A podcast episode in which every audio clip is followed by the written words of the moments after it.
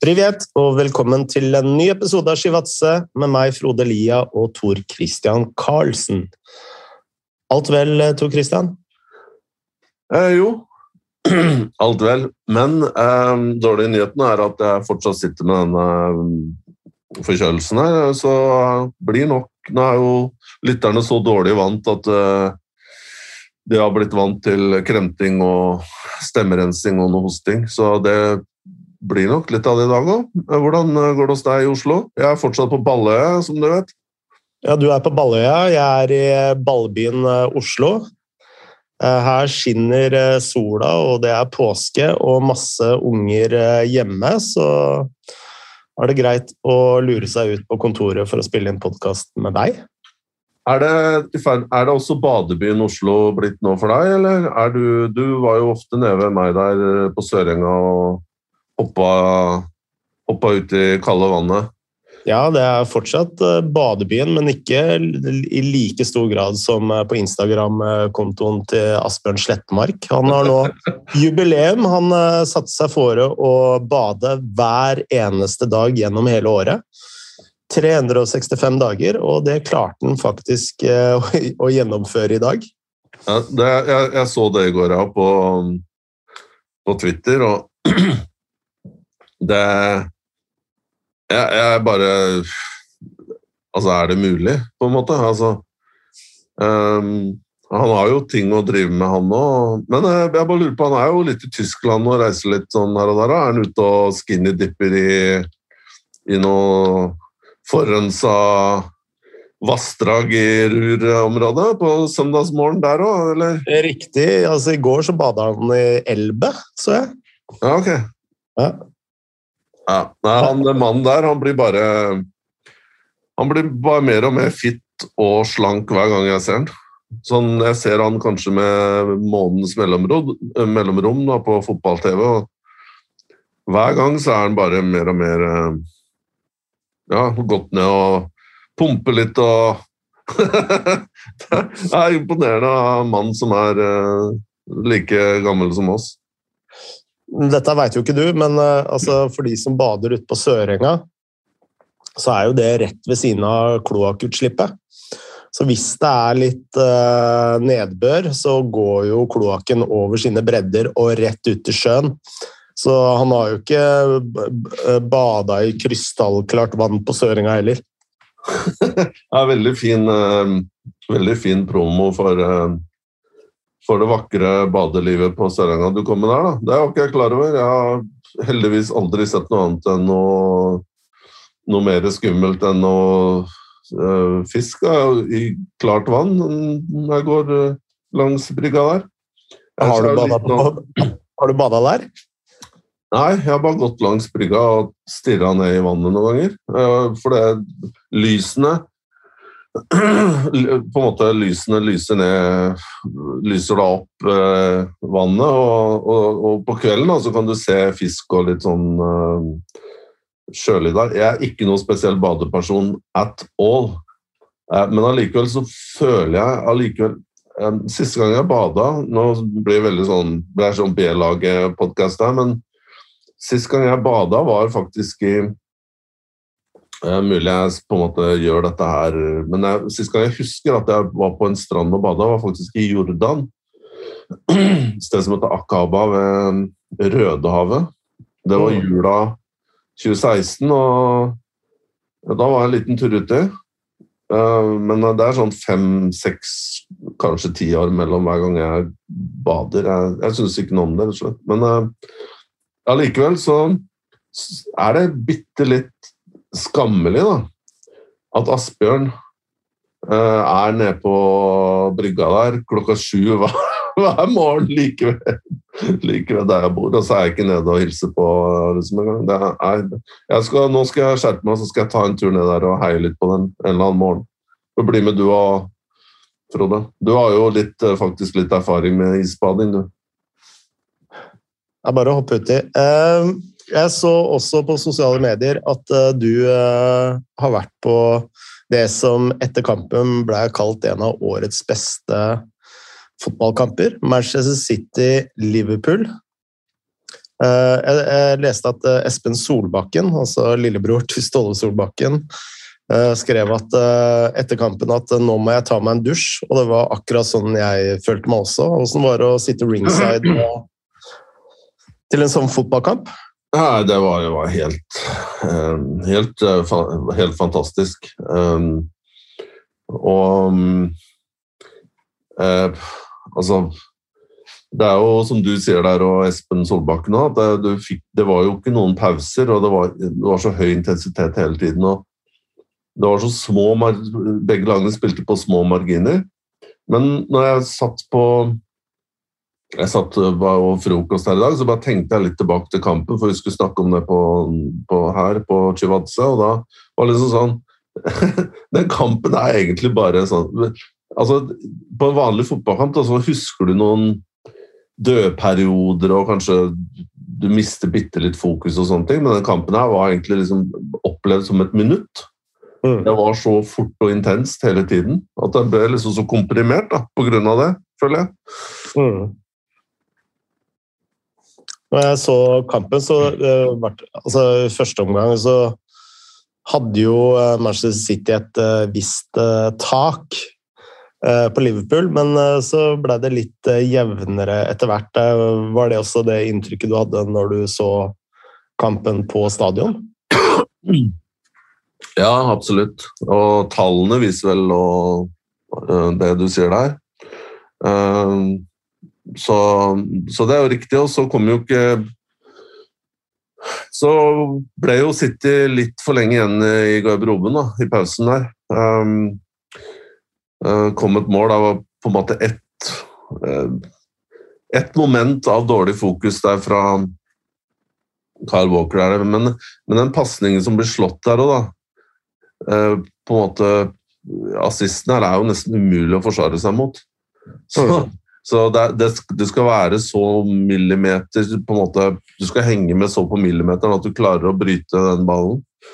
Men det, det var noen ting som imponerte meg. Jeg hadde jo fått meg billett veldig veldig høyt opp, og det er beste jeg ser fotball fra. Det er så høyt oppe som mulig. Ikke fra månen, da, naturligvis, men i hvert fall innenfor rimelighetens grenser. Ehm, så, for da, Jeg liker det fugleperspektivet, og da, da ser jeg så mye klarere det taktiske og, og, hva de forsøker å gjøre og sånne ting. Så jeg hadde jo billett, eller plass, da, helt oppe ved et tredje nivå. Og det som imponerte meg, sånn, bortsett fra det vi har allerede snakka om, intensiteten og eh, presisjon i det som gjøres så, eh, Det er jo det med, med City der med bekkene, hvor det, spesielt Cancelo som står hele tiden på offside-linja der. Mm. Og hvordan det er Det er spillepunkter hele tiden ute, enten Foden på venstre eh, eller eh, Cancelo hvis Foden trekker litt inn, så har du på venstresiden de to hele tida som truer. Og det var nesten sånn Når da eh, Når en av de sentrale midtbanespillerne fikk vente opp og hadde rom, eh, så var det liksom sånn Du kunne slå med en gang, da.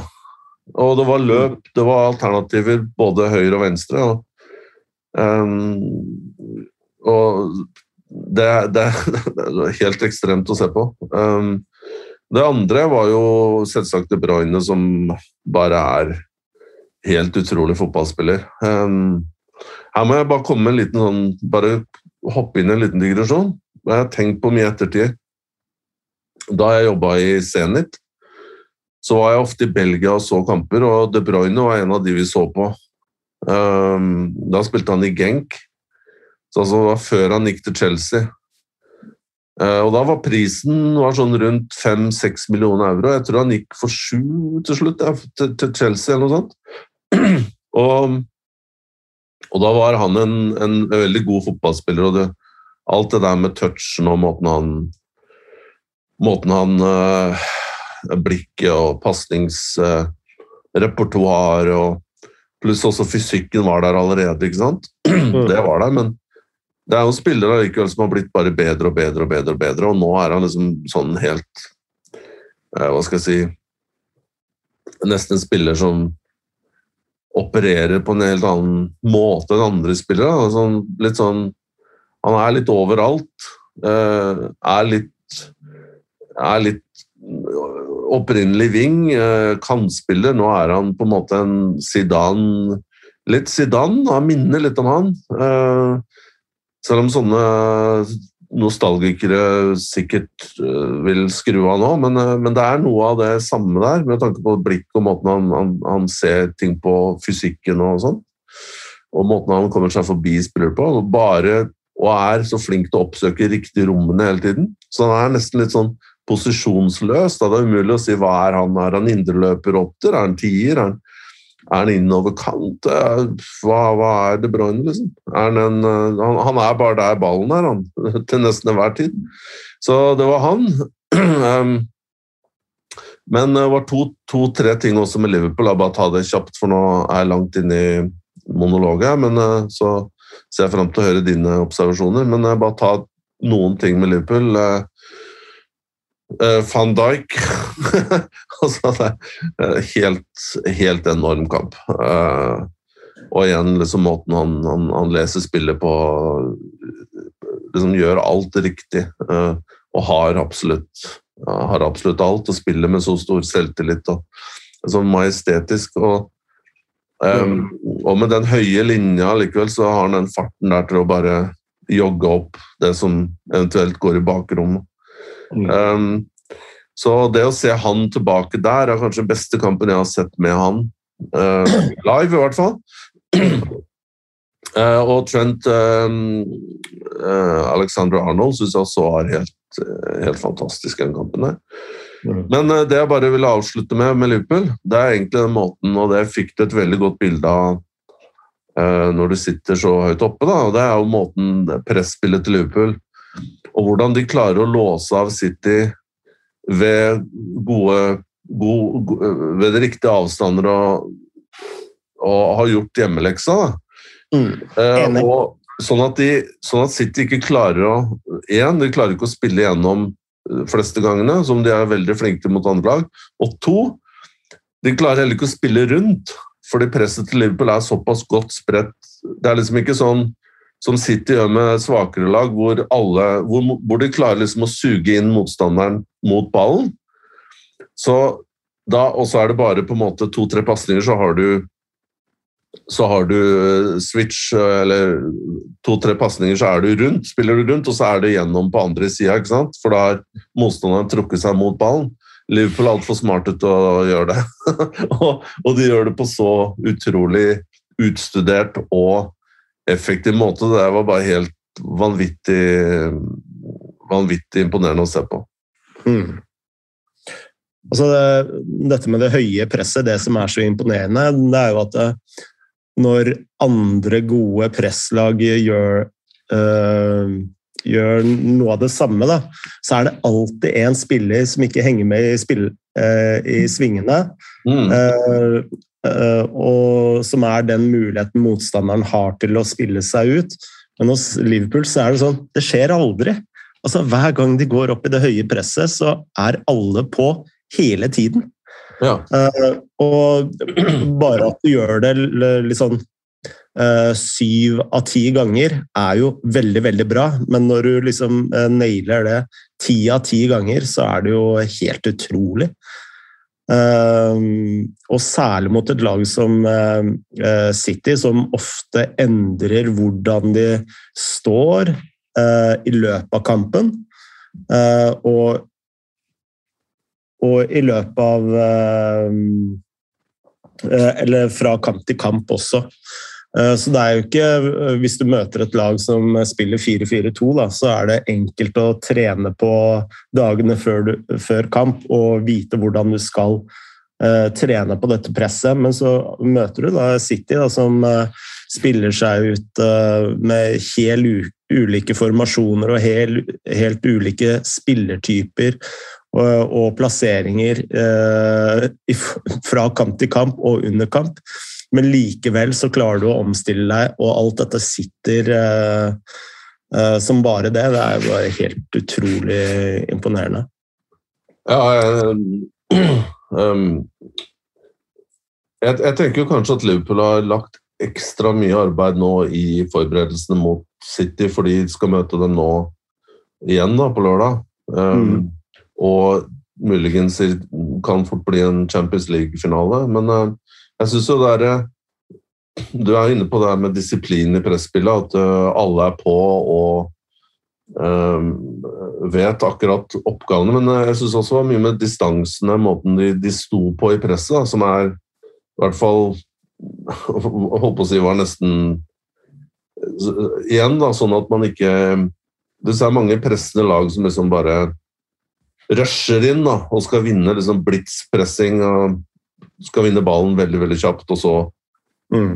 og, og, de lagene er ofte veldig enkle å spille seg gjennom, men her Liverpool gjorde i hvert fall Jeg er ikke noen fotballtrener, altså jeg på en måte snakker ikke med veldig stor faglig tyngde, men i hvert fall slik det fremsto for meg, så var det helt helt eh, ekstremt imponerende å se på.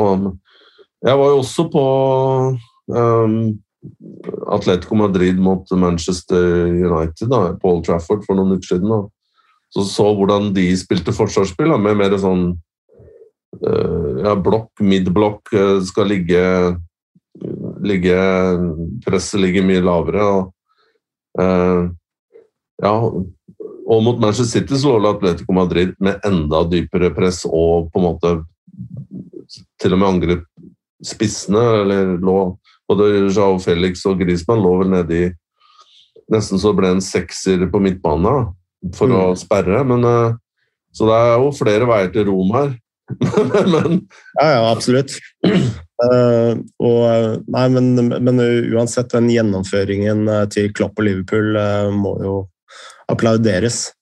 Uh, en annen ting jeg satt og tenkte på når jeg så kampen, og det er hvis du ser den poolen av spillere, nei, trenere som spiller på en veldig utprega ballbesittende måte, da, sånn som Pep, Eh, det, eh, og det er veldig interessant det du sa om eh, Foden og Cancelo som alltid ligger der klare til å stikke inn i bakrom. Og det er liksom den der maniske bakromstrusselen som Manchester City og Pep Guardiola egentlig alltid har hatt da, i, i, sine lag.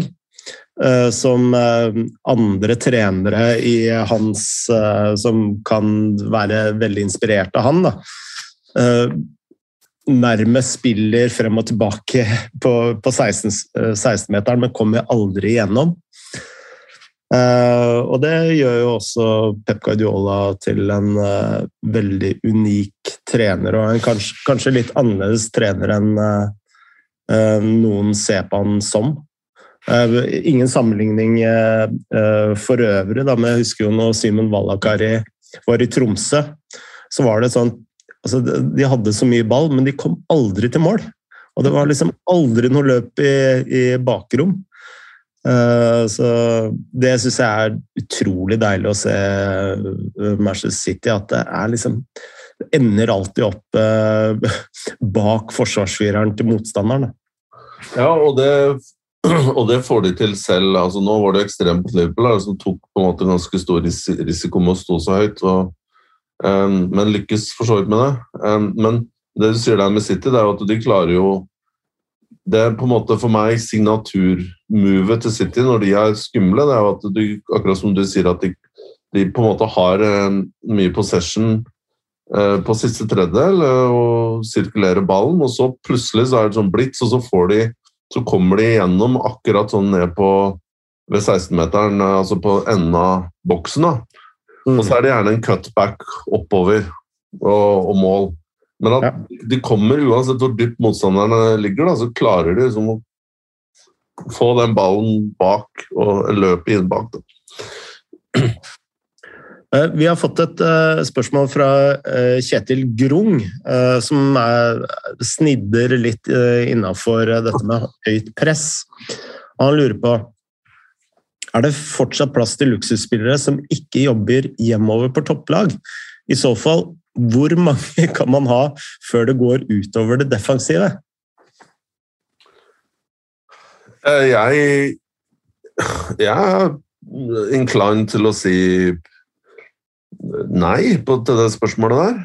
Um, og jeg syns jo vi har vært litt innom et eksempel på uh, Et eksempel på en spiller som man aldri skulle tro ville bli uh, på en måte mer enn en luksusspiller, Joao Felix, som nå er Og så kan man diskutere om det tar av brodden hans offensivt og alle de fantastiske kvalitetene han med ballen. Og, men han, han, må jobbe, jobbe til svetten tar han uh, defensivt nå under Simione. Det er jo ikke noen annen måte å gjøre det på.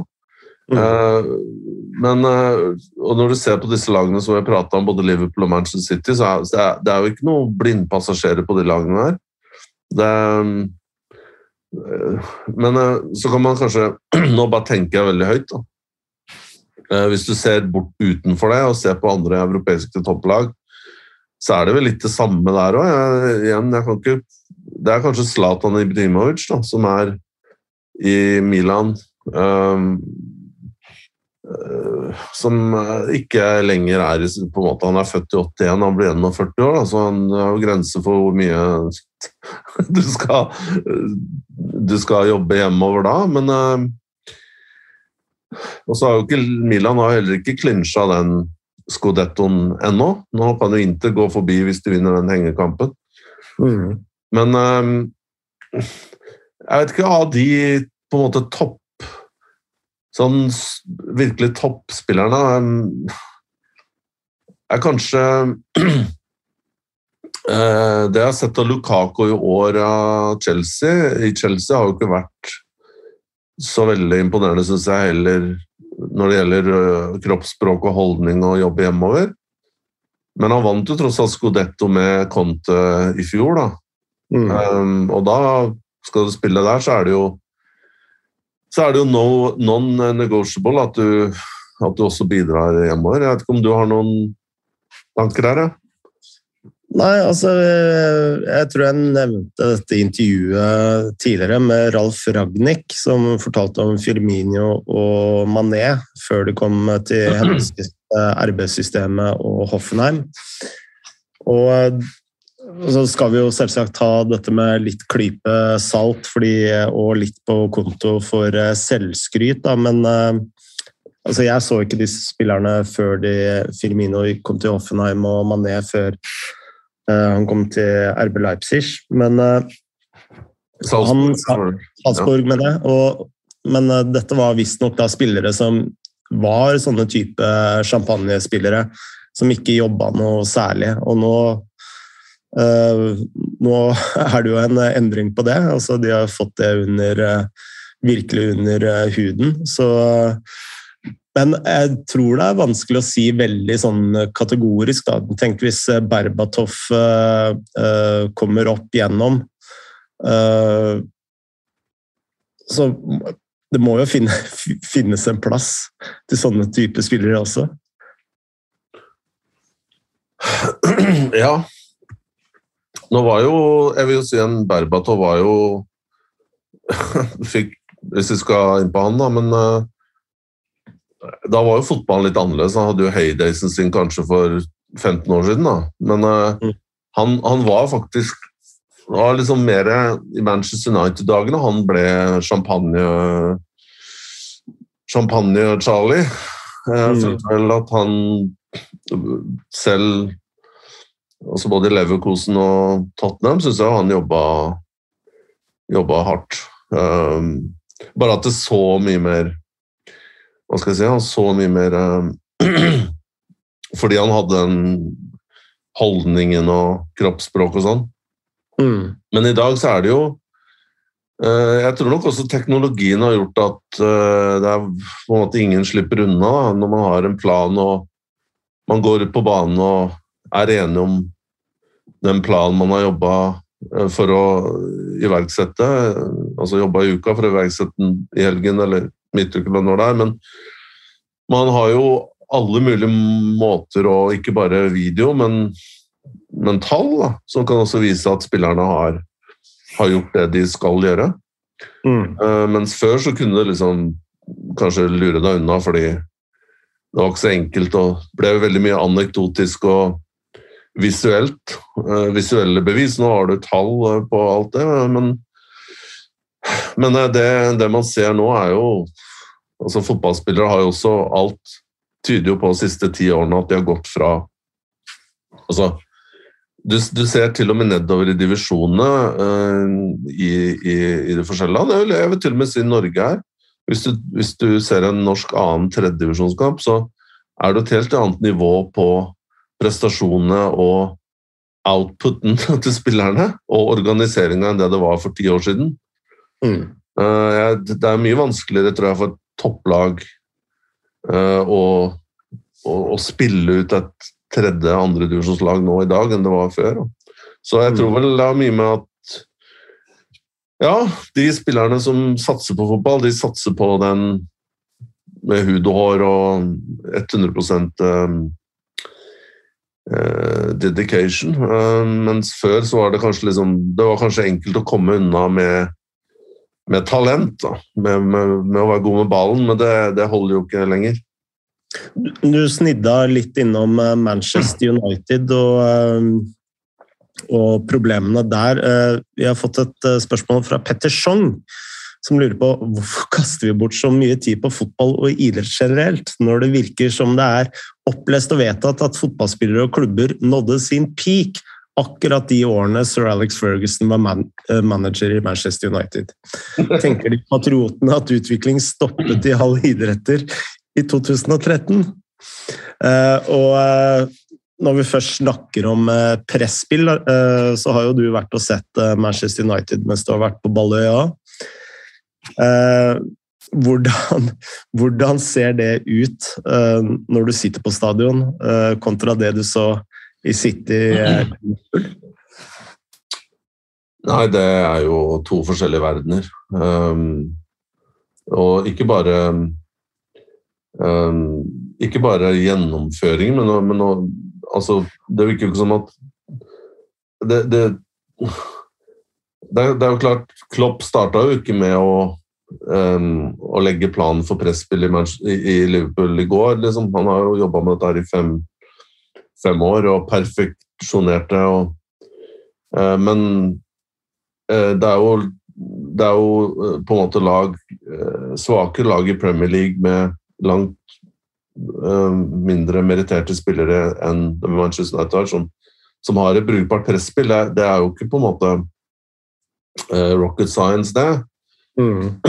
um, men uh, jeg har aldri skjønt helt Men som sagt, jeg er ikke fotballtrener og, kvalifisert egentlig til å uttale meg. Jeg er mer på en måte andre aspekter av fotballen som jeg har kanskje min diskutable ekspertise rundt. Men det å på en måte sende opp én en, to spillere i press eh, på ballfører, og så jogger de tilbake mens avstanden til resten av laget er 20-30 meter, det har jeg jo aldri helt skjønt hva poenget er. Eh, at du har Bruno Fernando som på en måte skal opp og jage ball, og så følger ikke de andre etter. Eh, har du noe godt svar på det, eller? Nei, jeg er bare veldig forundra over at uh, de er så dårlige på det. Uh, også gjenvinning. Uh, og, og, over lengre tid. Og dette er jo noe som folk har påpekt med Manchester United kjempelenge. Uh, og det er sånn I moderne fotballen så er det helt utrolig at et lag på et sånt nivå ikke har det uh, innabords. Og Ja, det er helt utrolig. Jeg, forstår jo at um, Altså, nå hadde du Nå hadde Mourinho før Solskjær. Ok, de um, og, og, og, og, så kom Solskjær, og så kom uh, nå uh, Ragnhild. Um, så kan man jo bare akseptere at det verken Mourinho eller Solskjær eller van Halen forkant. da. Nå er vi jo tilbake på, på en måte 2015 2014. Da kan man jo akseptere at de solgte ikke inn eh, den type fotball som Liverpool spiller, og de har heller ikke da handla spillere ut ifra den ideen. Eh, så det er jo fair enough, men det Men eh, så er jo spørsmålet hva er, hva er planen? Altså, vi trenger ikke å gå tilbake til Mourinho, men uh, Og alle vet jo at Mourinho uh, Mourinho sin, sin, beste lag var på en måte avventende og um, Hva skal vi si Altså Det er i hvert fall ikke proaktive, pressende lag som, som skulle ta initiativet. Det er jo lag som er gode, spesielt gode når motstanderen er mest sårbar. Mm. Okay, så henter man den type trener, men da kan man ikke forvente at man skal få Barcelona-fotball. Og, og Solskjær, hva han representerte som trener, jeg ble for jeg helt ærlig, ikke noen forkleinelse til Solskjær. Det kan jo være at jeg ikke forstår det, men jeg ble aldri helt klok på hva han forsøkte å gjøre, og hva hans identitet som trener var. Um, men, jeg, men, jeg, tror nok mange, og Manchester United-supportere og i tillegg, og um, insidere som har stor kunnskap, stiller også det samme spørsmålet hva er den overordna spillideen, altså um, ja, til uh, mønstrene, hvordan, hvordan, Hva er ideen det jobbes etter da, i, i den klubben? Uh, det, men det er jo veldig spesielt at at man ikke ser ut til å At man ikke har gjort noe grep med det tidligere. Og der tror jeg Nå skal jeg ikke eh, gå altfor langt ut i en Manchester United-digresjon, men, men, her er kanskje også mangelen på Du var veldig inne på det i forrige episode, Frode, at det, er, det har vært for mange yes-menn uh, høyt oppe i systemet. Um, det har kanskje ikke vært mange nok som har spurt Ok, hvordan jobber vi nå? Holder vi på en måte, Hva er ideen, hva er filosofien? Stiller de riktige spørsmålene til trenerteamet. Mm. Og hvilken rolle har sir Alex hatt oppi alt dette, da? det vet vi heller ikke. Uh, men igjen, nå går jeg veldig langt i digresjonen, men igjen Jeg blir jo mindre og mindre klok på den rollen de har gitt Ragnhild, og det sa jeg fra day one, at vel og bra at de henter Ragnhild, men jeg forutsetter nesten at han kommer til å jobbe med andre ting enn å trene laget. At han mm. skal bygge en ny eh, strategi for klubben og være den som påser at den blir implementert. Det er en stor jobb. Eh, og dertil ligger også eh, ideen om at vedkommende, i det tilfellet Ragnhild, burde være den som finner den nye treneren. Mm. Og, og, legge ny strategi for akademiet og, og, og hvilke, hvilke, ressurser som, som, som, hentes eh, hit og dit. Mm. Um, så, så, ser jeg da i, i en stor britisk uh, engelsk avis her forrige uke, og opplysningene Man skal, være, man skal selvsagt ha reservasjoner mot det man leser i, i media. Men her var det såpass mange detaljer um, som gjorde at Som fikk meg til å tro at dette her var mer enn bare oppspinn. Og der sto det jo at uh, Ralf Ragnhild 1 hadde ikke blitt konsultert om uh, ny trener. altså Han var ikke involvert i den søken.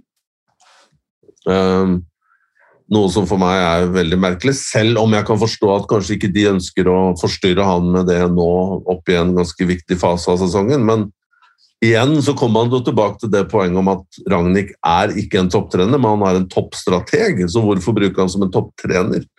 Og to um, Han uh, Visstnok det, engasjementet som han skal over i uh, etter sesongen, som konsulent uh, i to år, skulle visstnok innebære seks dager i, i måneden, ikke uka. Mm. Så dette her er jo bare visvas, da. Jeg må nesten forutsette at det stemmer, som jeg sier, for det, det var veldig fullt av, um, av, detaljer, så de måtte, måtte ha veldig gode kilder. Mm.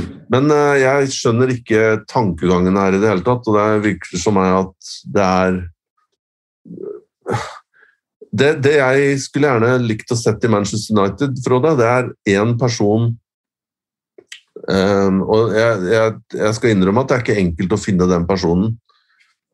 Manchester City fant tre. De fant, uh, de fant Ferran Soriano, uh, hva heter han? Soriano. Um, ja, jeg tror han mener det heter det. Uh, det er riktig, det. Ja, og, og, og, de fant uh, Aitor Bergirisstein som sportsdirektør, Soriano da uh, direktør, administrerende, og de fant Guardiola. Så der har du tre på en måte en tre, triumvirat som Men som tre, er, tre, personer med helt krystallklare arbeidsoppgaver, da. Ja. Uh, krystall, og det som er spennende, krystallklare arbeidsoppgaver. Krystallklar kompetanse, bakgrunn. Eh, og eh, krystallklar filosofi, som alle da jobber etter. Mm. Og, det, og, det, er jo klart at det kan jo ikke være Det, det, det kan jo ikke være en uting. altså Nei. Men bare si én ting om eh, Ragnhild før vi går videre. Og dette med høyt press, det skulle jo liksom være hans ekspertise da, som trener. Så selv under han så får de jo ikke uh, dette på stell, på en måte. Og det er jo sikkert mange grunner til at uh, man uh, ikke får det til. Men det jeg tenker når jeg ser troppen til, til Manchester United, og, og, med tanke på spørsmålet til Petter Schong, som nevner 2013, så tenker jeg dette er jo spillertyper som er nærmest henta ut fra 2013 også. Matic, for eksempel. Maguire altså Maguire er jo ikke en moderne uh, midtstopper uh, uh, altså Når du ser hvordan han behandler ballen, fysikken hans og det mentale, ikke minst. Jeg skal ikke være med å latterliggjøre Maguire. Han, han, det, jeg, skal ikke, jeg skal ikke hive meg på den bandbagen der. Men det var noen på Twitter som sendte klipp av han Maguire som, som uh, fyrte av mot Everton fra 30 meter og sånn, og hele den skuddteknikken og måten han tilløpet der var, var, var jeg, jeg, tror jeg skrev på Twitter at det var tatt fra 30-tallet. Det, det, var så absurd. Uh, men, men, igjen, Maguire har sine, sine styrker, han. Og, men dette skrev jeg også på Twitter, og her tror jeg er litt sånn akkurat den Det Liverpool unektelig er veldig, veldig flinke til, og City, det er også å identifisere riktige spillertyper til det systemet som de de systemene som de har valgt å, uh, å, å uh, jobbe etter.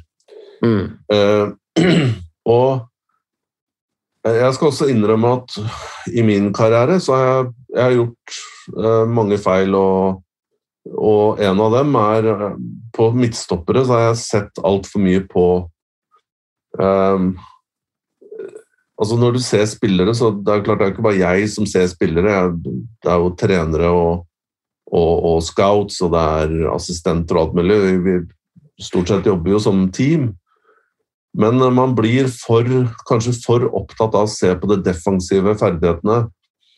Um, og da ser man ofte på situasjoner hvor laget er under press, og, og da er det Det høres dumt ut, men det er enklere å se god ut under press. Da er, du, da er det mye enklere å fokusere, for det, trykket er på deg hele tiden. Du kan ikke slippe opp. Mm. Og du, du, går, er, du, går mye mer bestemt inn i dueller og, og, og rydder unna mye mer, på en mye mer konkret og hva skal jeg kalle det, eh, effektiv måte. fordi du vet bare liksom at ballen må bort, men den må bort fort, og den må bort på, på en måte riktig måte. Mm. Stopperne får ikke, problem, øh, får ikke, så mye tid til å tenke, da. Det er vel det jeg skal fram til. Og det tror jeg er noe av problemet til f.eks. Michael Keane med Everton og, og Maguire, som ikke er sånn helt ulike uh, spillere. Mm. Når de får for mye tid til å tenke, så blir det liksom en, øh, en dårlig, en dårlig uh, blir en dårlig pasning, eller man gjør ting som er veldig forutsigbare, eller eh, altså eksponerer seg på, på måter som røper litt Eller gjør at svakhetene kommer veldig til syne. Det ser du ikke van Dijk eller Ruben Diaz eller disse spillerne gjøre. Det, det er jo helt annet på en måte kaliber. Mm. Interessant. Jeg trodde jeg ville tro at det var, var annerledes. At man heller så etter hva de gjorde på ballen, med, med ballen. Ja, nå, nå, nå, er, nå, gjør man jo også det, men det er jo klart Det, det er jo en dualitet der. Du, du skal jo En forsvarsspiller skal jo også kunne forsvare seg, men eh, Og i dag så har du veldig mange tall du kan bruke på forsvarsspillere som er nyttige, som man kanskje ikke hadde tidligere. Um, men det her er jo sånn som midtstoppere. Det er jo Midtstopper for meg er det veldig, veldig vanskelig å uh, Hvis ikke du har budsjett til å Nå kosta jo tross alt Maguire ganske mye, da. Um, men hvis ikke du har budsjett til å hente på en måte Rolls-Royce, altså de absolutt beste, så, så kommer du fort ned på et nivå hvor mange av disse stopperne har svakheter. Altså, du kan bare ta en spiller, da, Sven Botman i Lill, som har blitt nevnt i forbindelse med mange klubber i England. Både Tottenham var nære på, blitt nevnt også. Manchester United tror jeg venstre bent. Midtstopper, han er 22 år. Um, er vel på nederlandske landslaget litt innom der. Venstrebent. Um, og for så vidt god med ballen. Han har også en god toppfart når han setter i gang, eh, når han kommer opp i fart. Mm. Men han er egentlig ganske stiv og Han er 1,95, så liksom på små flater så kan du kombinere deg fort rundt den, og så ser han litt dårlig ut. Og jeg snakker med folk som, som har holdt på med scouting i toppklubber i, i, i 20 år, uh, mer, som mener han er helt fantastisk. Hent han med en gang. Og jeg snakker med andre som mener han er overprestert i Lill, og han er maks på det nivået der, midt, midt på treet i ligaen. Selv om han ikke vant ligaen i, i fjor med Lill, men han spilte ved siden av Fonch, uh, José Fonch, som på en måte redda han med mm. rutinen og ropte til han og ga instruksjoner og alt mulig. Um, så det, det, her er jo ganske komplisert, da, men det er jo altså I disse toppklubbene så er det jo kloke mennesker som får godt betalt og jobber 24-7 med, med, å identifisere spillere. så man jeg, forstår jo at supportere tenker at, at man bør kanskje forvente bedre, bedre resultater, da. Ja. Eh, jeg lurer på om vi må la eh, Manchester United eh, ligge litt, fordi vi har et annet punkt på, på agendaen Bodø-Glimt-Roma førstkommende torsdag.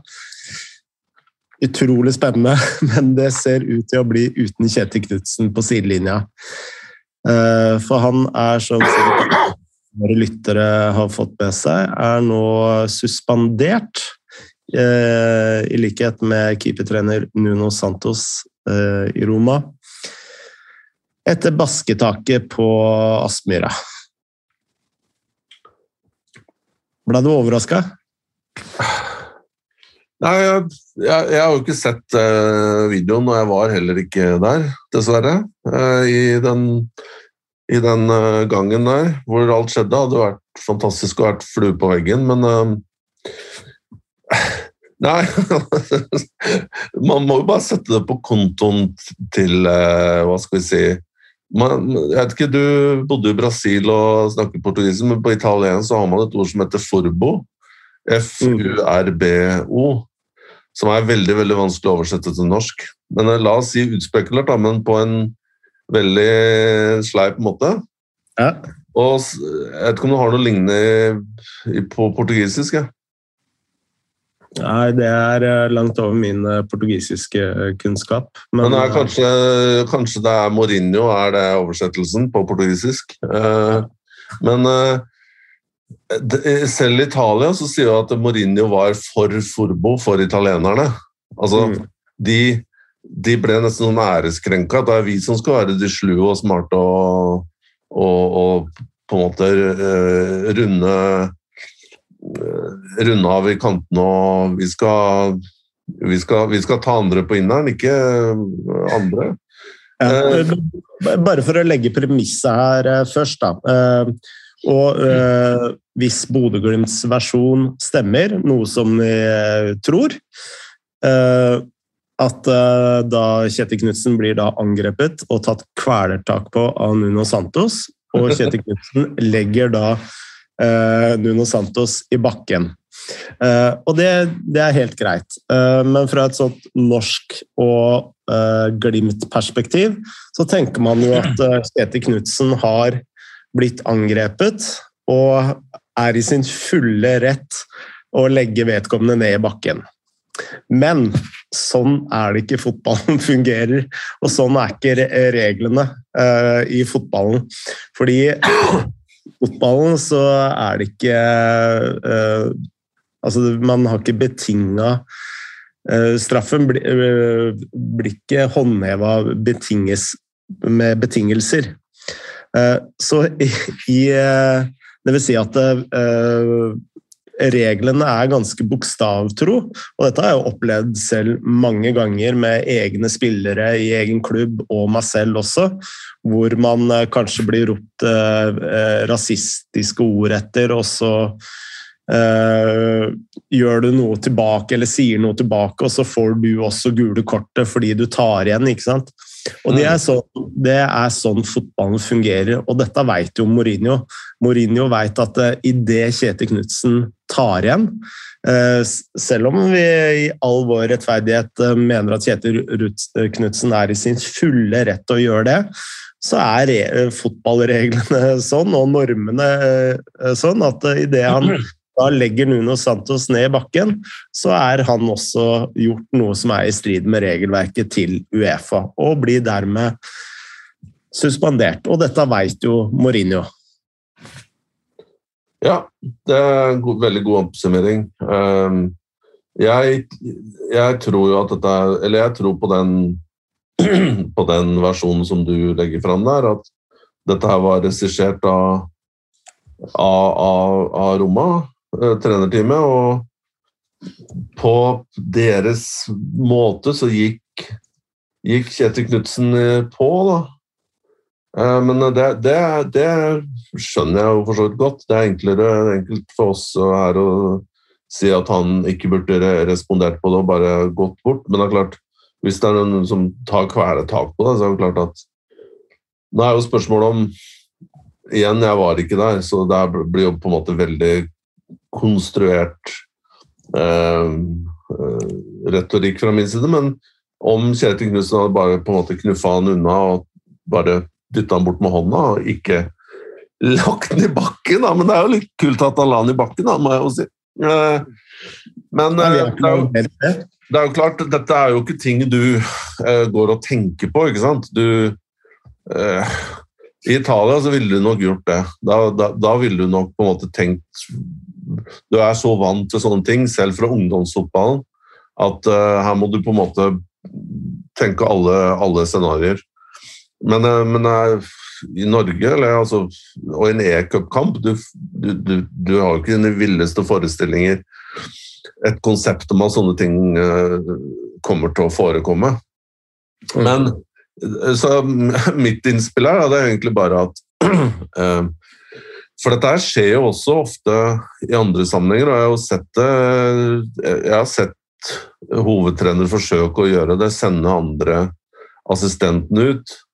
Man ser jo bare sånn veldig light versjon av det. Da. Så ser man jo at uh, det er ofte keepertrener som klager på dommerne ute på sidelinja. Jeg husker jo min uh, kollega i Start, Frode Birkeland, han, hadde jo, han fikk jo en hel kortstokk han løp løpet av en sesong. Til, uh, han, han, men, men, det var jo ikke på en måte premeditert av, av, Joey Hardarson å sende ut han.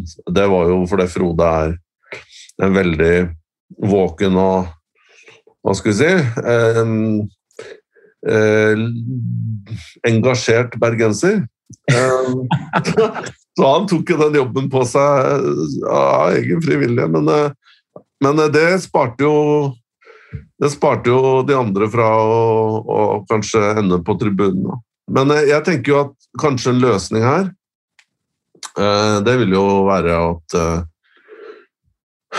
at uansett hvem som Hvilken person i trenerteamet som som finner på provokasjoner eller ablegøyer eller ut, på en måte gjør offense som fører utstengelse, så er det hovedtrener som er ansvarlig for det. Mm. Og, og hovedtrener må ta den smellen. Da, da hadde det jo ikke vært mulig å sende, sende assistent.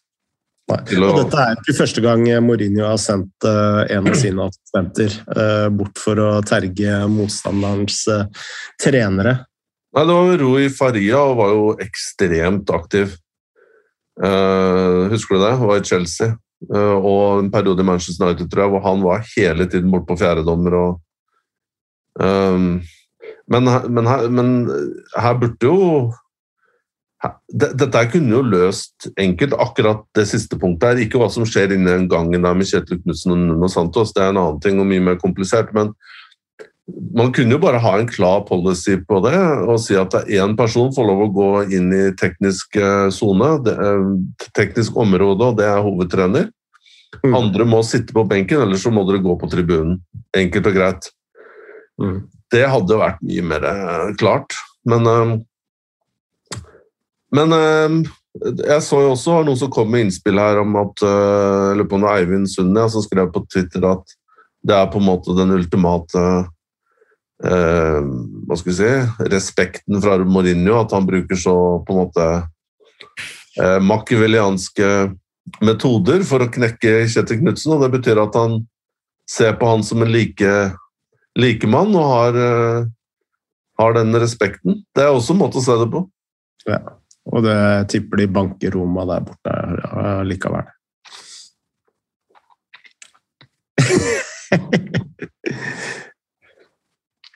Det har i hvert fall blitt bra temperatur, men eh, spørsmålet om eh, det gagner